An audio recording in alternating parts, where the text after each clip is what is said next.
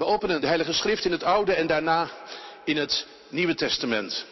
Het gaat er op deze zondag voorafgaande aan Aswoensdag gaat het al om het lijden van Christus. Ik heb eigenlijk maar gewoon de tekst genomen die op het leesrooster staat van onze protestantse kerk. Een profetie over de knecht die God zendt, de verlosser van Israël. En uit Jesaja 42 lees ik vers 5 tot 9 en 18 tot 20. Dit zegt God de Heer, die de hemel heeft geschapen en uitgespannen, die de aarde heeft uitgehamerd met alles wat zij voortbrengt, die de mensen op aarde levensadem geeft en levensgeest aan allen die daar verkeren. In gerechtigheid heb ik, de Heer, jou geroepen. Ik zal je bij de hand nemen en je behoeden. Ik neem je in dienst voor mijn verbond met de mensen en maak je tot een licht voor alle volken. Om blinden de ogen te openen, om gevangenen te bevrijden uit de kerker, wie in het duisternis zitten uit de gevangenis. Ik ben de Heer en dat is mijn naam. Ik deel mijn majesteit niet met een ander, noch de lof die mij toekomt met een beeld. Wat eertijds werd voorzegd, is nu vervuld. En ik kondig jullie nieuwe dingen aan. Nog voor ze ontkiemen, zal ik ze openbaren. En dan verderop. Doven, luister. Blinden, open je ogen en zie. Is er iemand zo blind als mijn dienaar? Zo doof als de bode die ik zend? Is er iemand zo blind als dit gestrafte volk? Blind als de dienaar van de Heer? Het ziet veel, maar onthoudt niets. Het heeft zijn oren open, maar hoort niets. Hier eindigt de eerste lezing. Jezus is al een poos op weg met de zijnen en met een hele schare. En hij nadert nu Jericho. Ze zijn dus al vrij dicht in de buurt gekomen van Jeruzalem. Lucas 18. Hij, Jezus, nam de twaalf apart en zei tegen hen, weg naar Jeruzalem en alles wat door de profeten is geschreven zal men de mensenzoon laten ondergaan. Want hij zal worden uitgeleverd aan de heidenen en worden bespot en mishandeld en bespuwd. En nadat hij is gegezeld zal hij worden gedood. En op de derde dag zal hij opstaan. De leerlingen begrepen er niets van. De betekenis van Jezus' woorden bleef voor hen verborgen. En ze konden maar niet bevatten wat hij had gezegd. Toen hij in de buurt van Jericho kwam, zat er langs de weg een blinde te bedelen. Toen de blinde een menigte voorbij hoorde komen, vroeg hij wat er gaande was. Ze zeiden tegen hem, Jezus uit Nazareth komt voorbij. Daarop riep de blinde, Jezus, zoon van David, heb medelijden met mij. Degenen die voorop liepen, snauwden hem toe dat hij moest zwijgen. Maar hij schreeuwde des te harder, zoon van David, heb medelijden met mij. Jezus bleef staan en zei dat men de blinde bij hem moest brengen. Toen deze voor hem stond, vroeg hij hem, wat wilt u dat ik voor u doe?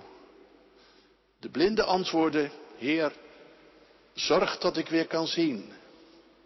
Jezus zei, zie weer, uw geloof heeft u gered. Onmiddellijk kon hij weer zien en hij volgde hem terwijl hij God loofde. Alle mensen die getuigen geweest waren van dit voorval, brachten hulde aan God. Hier eindigt de lezing uit het woord van God. Tekst is het eerste stukje dat ik voorlas. Ik zal het nog een keer lezen voor u. Lucas 18, vers 31 tot 34. Hij nam de twaalf apart en zei tegen hen, we zijn nu op weg naar Jeruzalem en alles wat door de profeten is geschreven, zal men de mensen zo laten ondergaan. Want hij zal worden uitgeleverd aan de heidenen en worden bespot en mishandeld en bespuwd. En nadat hij is gegezeld zal hij worden gedood. En op de derde dag zal hij opstaan. De leerlingen begrepen er niets van. De betekenis van Jezus' woorden bleef voor hen verborgen. En ze konden maar niet bevatten wat hij had gezegd. Gemeente van Christus, in een serie die in deze weken wordt uitgezonden, doet journalist Thijs van den Brink verslag van een tocht door Amerika. Hij onderzoekt daar waarom veel orthodoxe christenen op Trump stemmen. Hij laat zien hoe groot de rol is die geloven speelt in hun dagelijkse leven en ook hoe dat soms op een merkwaardige manier gebeurt. Er waren beelden te zien van een basketbalwedstrijd. Het was in de hitte van de strijd. De trainer had een time-out aangevraagd. Dat doe je meestal als het wat minder goed gaat met je team. En die time-out, die gebruikte hij, je zou denken voor wat stevige woorden en tactische aanwijzingen, maar nee, de groep ging bijeen en ze gingen samen in gebed. En de coach ging voor. Nou ja, waar ga je dan om bidden? Om kracht, lijkt mij. En ook om de overwinning. Maar nee, dat ging anders. Hemelse Vader, zei hij, we danken u dat Jezus gestorven is voor onze zonde en dat wij nu uw kinderen zijn. Ik moet eerlijk bekennen, wat er verder nog gebeden is, dat is natuurlijk het geval, maar dat herinner ik me niet meer. Er zal vast nog wat anders gevraagd zijn, maar ik was eigenlijk te verbrouwereerd om daar nog op te letten. Jezus sterven voor onze zonde als inspiratie in een sportwedstrijd. Jezus dood, even ertussendoor in een time-out. Wil ik dat nu een beetje belachelijk maken? Nee, helemaal niet. Je zou er ook best iets goeds over kunnen zeggen. Want als wij geloven dat Jezus door zijn sterven ons verlost heeft, als wij dat geloven, dan is dat toch ook de basis van ons leven. En, en die basis werkt door op alle levensterreinen. Hoe gek ook misschien. Tegelijk vraag je je natuurlijk wel af of Jezus en zijn kostbare dood toch niet een beetje een standaard, een standaard pakket wordt. Dat je altijd bij de hand hebt. En dat je gewoon kan aanspreken voor je eigen behoeften. je haalt het even tevoorschijn, te pas en te onpas. Ik moest daar aan denken, omdat ik vanmorgen het met u heb en met u gelezen heb, ja eigenlijk ook over een time-out. Jezus neemt zijn twaalf leerlingen een ogenblik apart. En dan gaat hij vertellen, al voor de derde keer trouwens, over de weg die hij zal gaan, over wat hem gaat overkomen daar in Jeruzalem. Maar zij kunnen er niets mee. De betekenis van Jezus' woorden ontgaat hun volledig. Het is voor hen verborgen. En als je dat dan leest en nog eens leest, dan denk je, waarom heeft Jezus dat dan toch gezegd? Tot drie keer toe. Aan hen. Als een zeker voorrecht. Zij mochten dat weten. Waarom heeft hij dat lijden en sterven en ook de opstanding aangekondigd? Wat voor zin had dat eigenlijk? Ja, er zijn woorden in je leven die je eerst hoort en pas later begrijpt en doorleeft. Dat zullen heel wat mensen hier in de kerk met mij eens zijn. En dat gold ook zeker voor de twaalf. Toen Jezus was opgestaan en de geest was gekomen, toen wisten ze het. En toen hebben ze zich ook die woorden herinnerd. Die woorden die Jezus wel drie keer aan hen had voorzegd. Maar ze hebben zich ook herinnerd, die eerste getuigen, die apostelen, ze hebben zich ook herinnerd dat ze er eerst niks mee konden. Dat er zoveel was dat ze niet begrepen. En dat is iets, iets moois eigenlijk. Dat je dus getuige bent van het evangelie, wij. Dat dan die woorden van Jezus in je gedachten komen, maar ook hoe lang je daar misschien ook niks mee kon.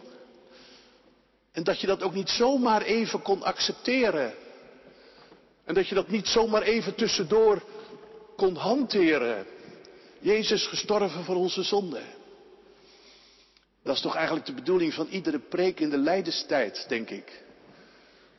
Dat het niet een dingetje is wat je zo bij je hebt en tevoorschijn kan halen. Laten we luisteren naar wat Jezus wil overbrengen. Let op, zegt hij, zie, wij gaan naar Jeruzalem. Jeruzalem, dat roept zoveel op. Jeruzalem, daar zal het feest gevierd worden van onze bevrijding. Het zal Pasen worden. Jeruzalem, dat is ook de stad van David. En daar staat nog altijd die troon van David, maar die is nog leeg. En God heeft beloofd dat daar iemand op gaat zitten. Door wie hij zal regeren. En die al zijn beloften, de woorden van de profeten, zal waarmaken. Wij gaan naar Jeruzalem. En zegt Jezus dan over zichzelf, daar zal de mensenzoon, even dat woord, die aanduiding, de mensenzoon. Dat kun je gewoon ook vertalen met mens. Zoon van Adam staat er eigenlijk. Jezus is ook een mens, maar die uitdrukking mensenzoon, die heeft ook een profetische achtergrond. Dat is die geheimzinnige figuur die volgens Daniel de profeet door God in glorie zal worden verheven. Dus het is een dubbele aanduiding. Aan de ene kant, ik ben mens, ik hoor bij jullie. En tegelijkertijd dat mysterie van die ene die in glorie door God wordt verheven. Wat zal er dan daar in Jeruzalem met die mensenzoon? Daar zal hij aan de heidenen worden overgeleverd. Dat is voor het eerst dat Jezus dat zo zegt. In de vorige, in de eerste afkondiging, daar ligt alle nadruk op de priesters en de schriftgeleerden. Dat is om zo te zeggen de Joodse bijdrage aan zijn lijden en sterven. Zij verwerpen hem. Die keren hier niet terug. Ja, verborgen, hè? Hij wordt overgeleverd, staat er aan de heidenen. En dat overleveren, dat doet zijn eigen volk. Maar nu gaat het toch speciaal over die heidenen. Over de volkeren, over de niet-Joden.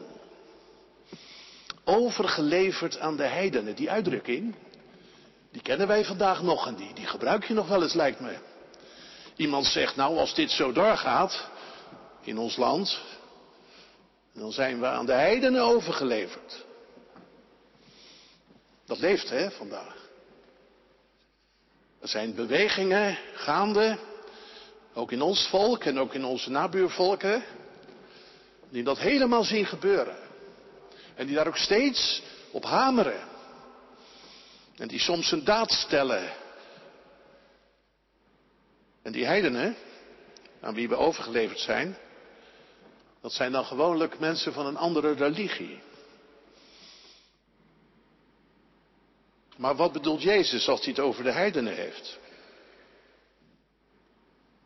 Als Jezus aan de heidenen wordt overgeleverd, dan komt hij in handen van de grootste beschaving die in die tijd de wereld kende.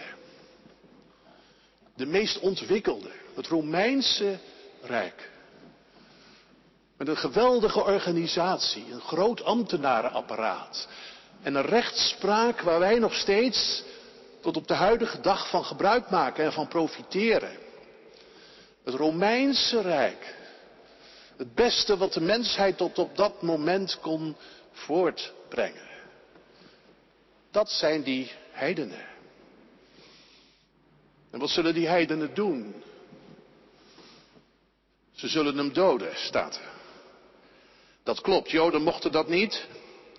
Joden konden wel ter dood veroordelen, maar dat stelde eigenlijk juridisch nog niet veel voor. Ze moesten naar de Romeinen. Die konden het doodvonnis voltrekken. Ze zullen mij doden, zegt Jezus, maar eerst daaraan voorafgaande zal hem van alles worden aangedaan. En daar gebruikt Lucas drie werkwoorden voor. Die in de nieuwe Bijbelvertaling vertaald zijn met bespot, mishandeld en bespuwd. En dat bespotten, als je dat nakijkt, dan zit daar het woord spel in. Een spel spelen met iemand. En dat gaat gebeuren. Hij wordt een speelbal. Hij wordt te kijk gezet. Ze gaan hem belachelijk maken. Oh, jij was die koning. Nou, dan zullen we je even flink gaan huldigen. En diep wordt zijn kroon in zijn slapen ingedrukt. Zo schaamteloos. Een lachwekkende schertsfiguur. Hij wordt ook mishandeld, dat is het tweede woord. En mishandeld, dat denken wij gelijk fysiek. Misbruikt, dat is ook zo'n woord van deze tijd, niet waar? Maar daar zit eigenlijk ook nog iets heel anders achter. En dat is die diepe belediging. Het schaamteloze. Net zoals misbruikt zijn ook lang niet alleen maar het fysieke is. Daar zit zoveel omheen. Dat maakt het ook zo moeilijk natuurlijk. Om daar een goed oordeel over te vellen. Het is een totaal. Als Jezus mishandeld wordt, wordt hij ook diep gekrenkt. Zo schaamteloos. Zoals je zomaar, ook al had je niks misdaan, maar zo enorm neergezet wordt.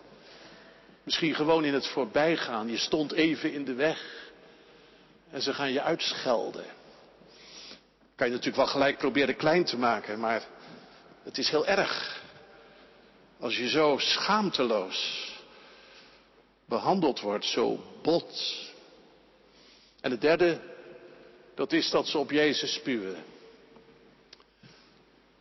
Hun speeksel en het schuim van hun woorden zal op hem neerdalen. Ik leg daar nou even de nadruk op. Ik ben dat eigenlijk nooit zo gewend geweest, moet ik u eerlijk zeggen. Maar ik doe het nu wel. Hoe Jezus gekwetst wordt. Hoe hij beledigd wordt. In de kunst wordt erg de nadruk gelegd, denk ik, vaak op de pijn. En wat dat doet met je. Maar wij moeten ook zeker naast de pijn het verdwijnen van elke vorm van respect onderstrepen. En de vernedering waarin Jezus terecht kwam. Want we moeten goed beseffen, het is niet alleen dat Jezus sterft. Zijn dood is er één met een trap na. Dat is de dood van Jezus. Een waardeloze dood. Wie zal er nog een cent voor geven? Wie zou zich nog maar een ogenblik er druk over maken? Wie zal zich er iets van aantrekken? Dat staat allemaal bij de profeten. Wat ik nu zeg. Jezus zegt, de mensenzoon aan hem zal worden voltrokken en volbracht alles wat de profeten hebben geschreven. Nou, Jezaja is zo'n profeet. En die zag het al voor zich. Die zag de knecht des Heren. Hoe hij leed en bespot en beschimd werd. En hij vraagt zich af. En wie trok, wie trok zich toen eigenlijk het lot aan?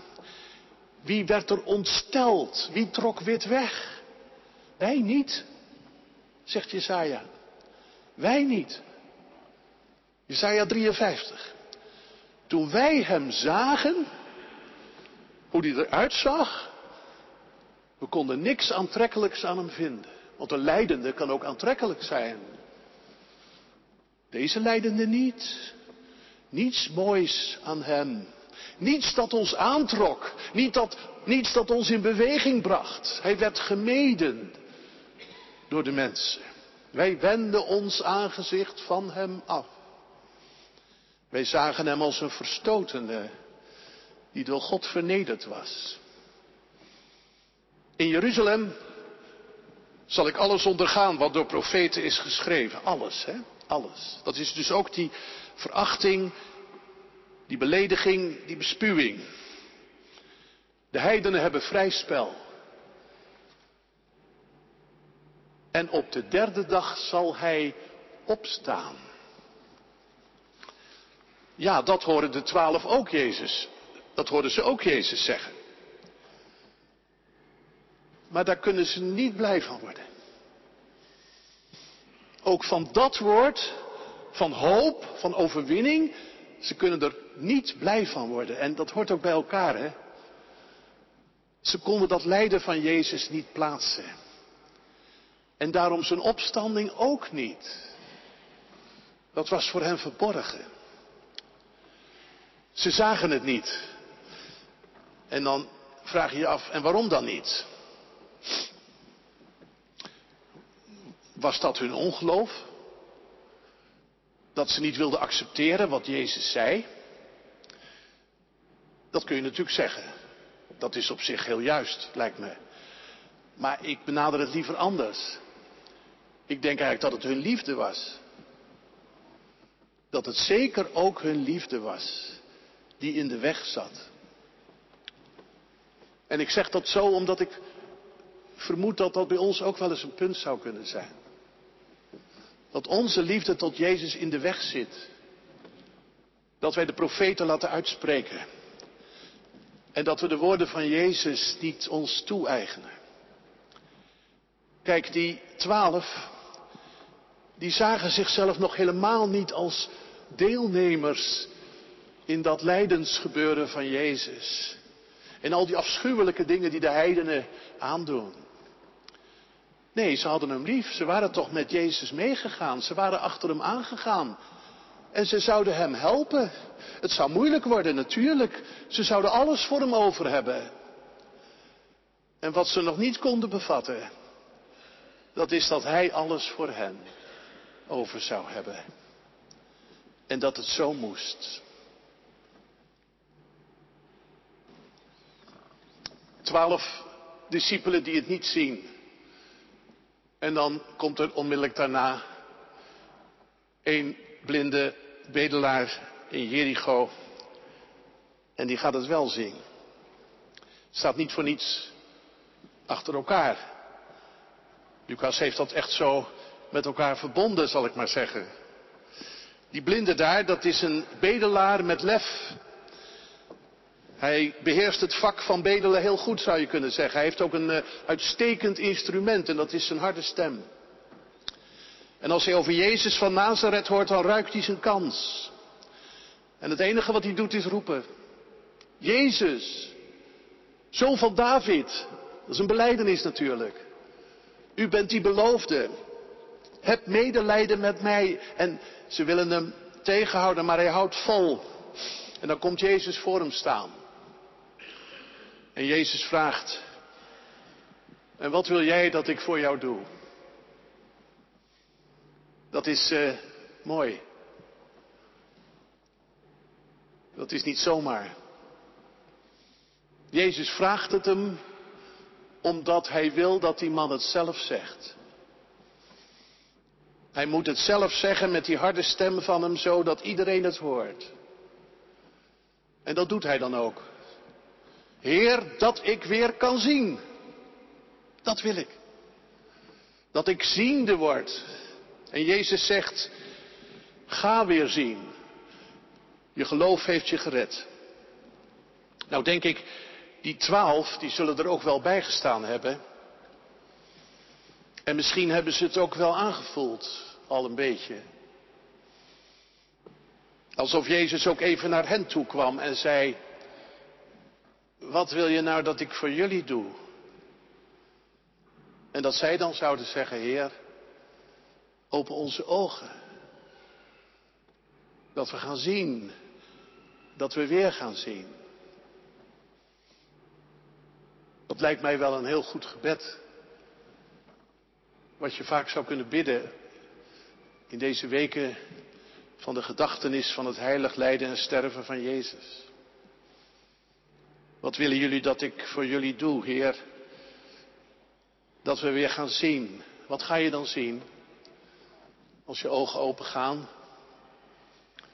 dan ga je zien dat Hij de enige weg ging. De enige weg. Er was echt geen ander. De enige weg tot redding en heil. Dat is de weg door alles heen. Verwerping, belediging, bespuwing, degradatie en dood.